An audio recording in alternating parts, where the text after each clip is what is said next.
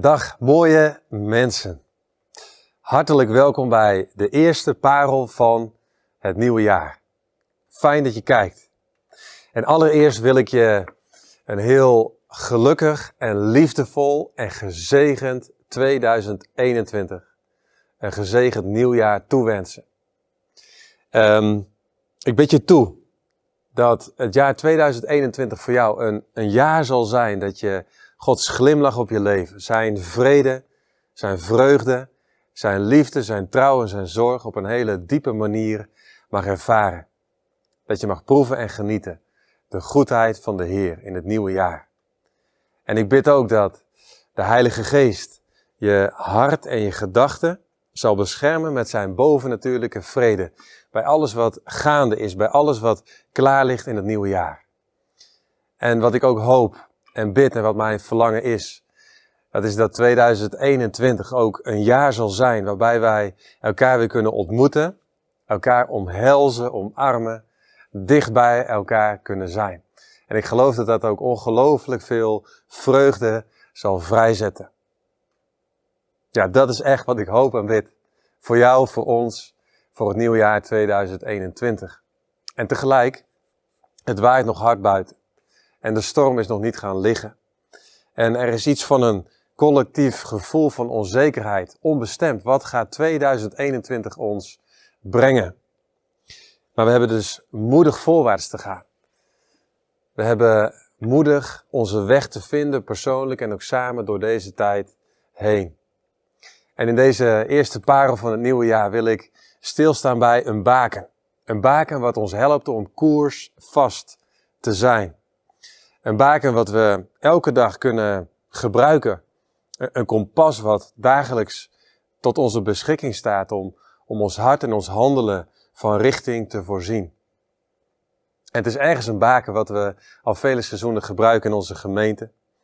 Het was hetgeen we op 1 januari 2020 wilden. En volgens mij willen we het ook op 1 januari 2021.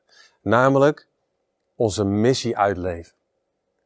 Dat is het baken waar ik met je over wil nadenken. Onze missie als gemeente. Wij bestaan om Gods liefde te ontvangen, te beantwoorden en door te geven. En of het nou waait of niet, of dat het stormt of niet, maar dat is iets wat we elke dag kunnen doen. Iets wat elke dag als baken, als kompas kan dienen. In onzekere tijden. En iemand die ik dat op een hele bijzondere manier zie doen, Gods liefde ontvangen, beantwoorden, doorgeven, te midden van een storm. Dat is Paulus. Paulus in Handelingen 27. We zien hem daar als gevangene van de centurio Julius. Hij wordt gebracht naar Italië, maar midden op de Adriatische Zee dan, ja, dan breekt de storm van de eeuw los.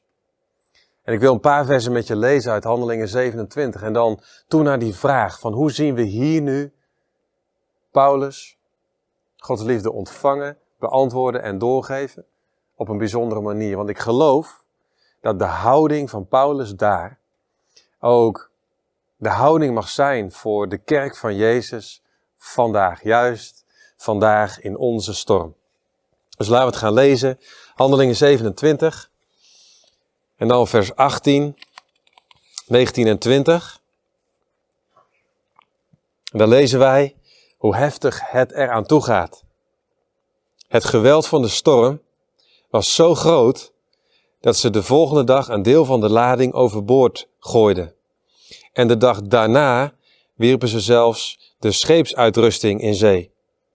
Dagenlang waren de zon nog de sterren te zien en bleef de storm in alle hevigheid woeden, zodat we tenslotte elke hoop op redding verloren.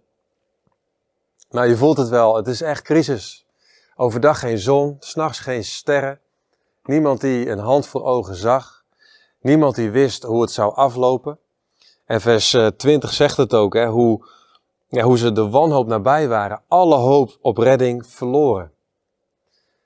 dat is een intense situatie, een storm. En wat doet Paulus in die storm? Hoe geeft hij vorm aan dat baken? Gods liefde ontvangen, beantwoorden, doorgeven.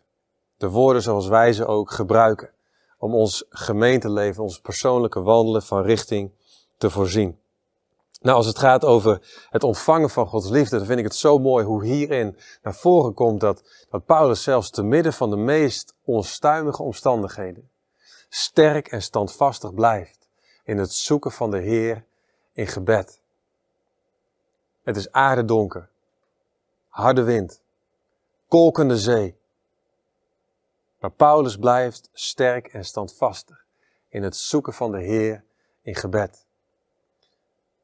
Hij is gehoorzaam, hij luistert, hij neemt er ruimte voor, te midden van moeilijke omstandigheden. En omdat hij dat doet, omdat hij die discipline vasthoudt, en daarom kan God ook zijn hart blijven bereiken en blijven vullen ook met nieuwe moed, met nieuwe kracht, met nieuwe liefde, nieuwe richting. En dat vind ik zo mooi naar voren komen ook in vers 23, waar het, waar het volgende staat.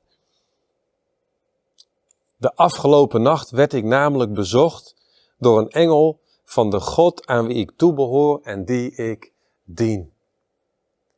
Dus Paulus weet van wie hij is. Ik behoor de Heer toe, ik dien hem. En omdat hij afgestemd was, kreeg hij hemels bezoek. En kon hij de stem van God verstaan, die hem van richting voorzag in de storm. En ik geloof dat dat het eerste is wat we nodig hebben. Het eerste is ook waar we bij moeten blijven te midden van de storm, dat we als kerk van Jezus goed worden in het ontvangen van zijn liefde. Om onszelf elke keer open te stellen. Om gevuld te worden door hem. Het is dezelfde Paulus die schrijft in 1 Korinthe 13. Geloof, hoop en liefde, deze drie resten ons. Maar de grootste daarvan is de liefde.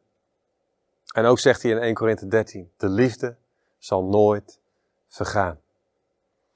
En ik geloof juist vandaag dat het zaak is op de drempel van het nieuwe jaar om onszelf te geven